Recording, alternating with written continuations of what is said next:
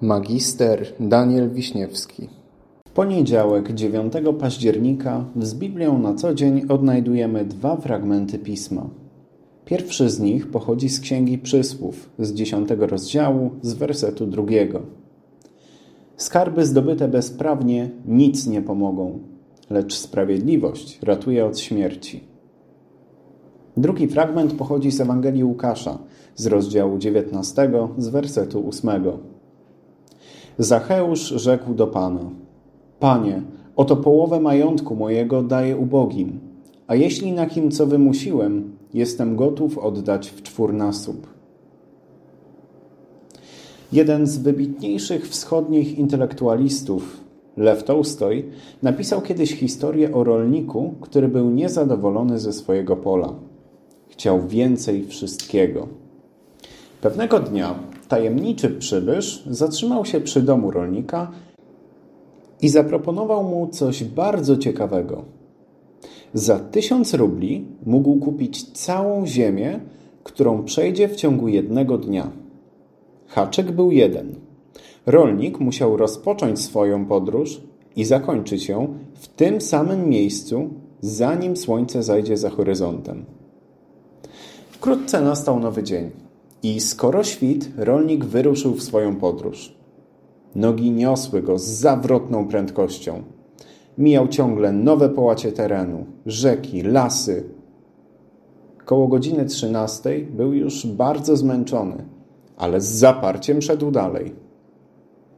Pod koniec dnia zauważył, że słońce zaczyna chować się za horyzontem, a jego chciwość wyniosła go za daleko od miejsca startu. Co więc zrobił owy rolnik? Jeszcze bardziej przyspieszył. O godzinie 19 jego wędrówka przypominała już dziką pogoń o życie.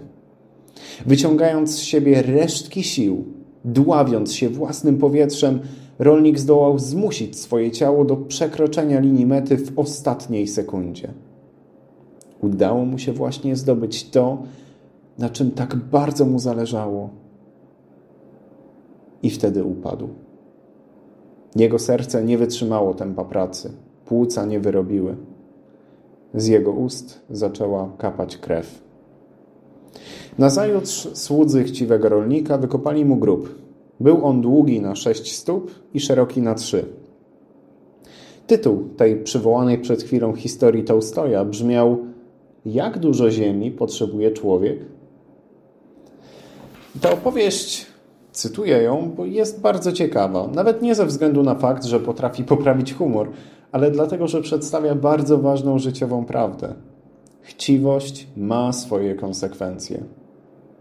Jeżeli byśmy się nad tym zastanowili, to w każdym z nas tak naprawdę w pewnym stopniu chciwość rządzi. Kieruje ona nas na przykład do gromadzenia wokół siebie różnych rzeczy, albo chociażby jedzenia więcej niż powinniśmy. I trzymając się może tego przykładu z jedzeniem, to przejedzenie nie jest najprzyjemniejszym uczuciem. Boli nas wtedy brzuch, jesteśmy mało mobilni, musimy jakiś czas odpocząć i poleżeć, żeby nas, nasz stan się unormował. I tracimy czas. Podobnie jest też z innymi rzeczami, do których kieruje nas chciwość. Możemy płacić za nią cenę w postaci utraty kontaktu z bliskimi osobami, negatywnej opinii o naszej osobie, czy nawet poważnych problemów zdrowotnych. Dlatego Bóg przez pismo uczy nas, że o ile samo posiadanie i gromadzenie rzeczy nie jest grzechem, o tyle gromadzenie ich nie powinno być naszym najważniejszym priorytetem. Bo kiedy staje się ono naszym największym zatroskaniem, takim naszym osobistym Bogiem, to wtedy oddalamy się od swojego prawdziwego Stwórcy.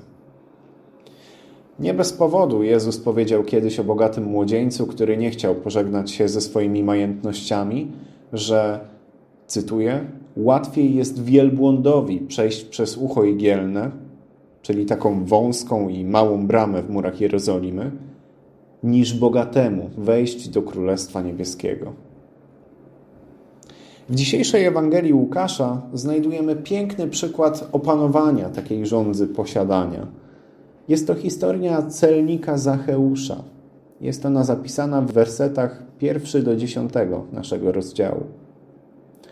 I wszedłszy do Jericha, przechodził przez nie. A oto mąż imieniem Zacheusz, przełożony nad celnikami, człowiek bogaty, pragnął widzieć Jezusa. Kto to jest? Lecz nie mógł z powodu tłumu, gdyż był małego wzrostu. Pobiegł więc naprzód i wszedł na drzewo sykomory, aby go ujrzeć, bo tamtędy miał przechodzić. A gdy Jezus przybył na to miejsce, spojrzał w górę i rzekł do niego: Zacheuszu, zejdź śpiesznie, gdyż muszę się zatrzymać dzisiaj w Twoim domu. I zszedł spiesznie i przyjął go z radością. A widząc to, wszyscy szemrali, mówiąc: Do człowieka grzesznego przybył w gościnę. Zacheusz zaś stanął i rzekł do Pana: Panie, oto połowę majątku mojego daję ubogim, a jeśli na kim co wymusiłem, jestem gotów oddać w czwórnasób. A Jezus rzekł do niego: Dziś zbawienie stało się udziałem domu tego, ponieważ i on jest synem Abrahamowym. Przyszedł bowiem syn człowieczy, aby szukać i zbawić to, co zginęło. Zacheusz w tej historii posiadał wiele i korzystał ze swojego bogactwa. Jednak swoim zachowaniem wykazał, że chęć posiadania nie była dla niego najważniejsza. Odstawił tą chęć na bok w momencie, gdy zobaczył Jezusa i stanął w jego bliskości. A jakby tego było mało, udowodnił to konkretnymi czynami. Połowę swojego majątku rozdał potrzebującym, jakby nie miał dla niego żadnej wartości. Nie wiem, czy dla nas dzisiaj byłoby to takie łatwe. Wyobrażacie sobie to? Oddać na przykład swoje auto albo połowę swojego mieszkania komuś za darmo. A to właśnie uczynił Zacheusz. Jezus pochwalił jego zachowanie i oświadczył, że w tym momencie zbawienie stało się udziałem tego celnika i jego domu. A jaka z tego lekcja płynie dla nas?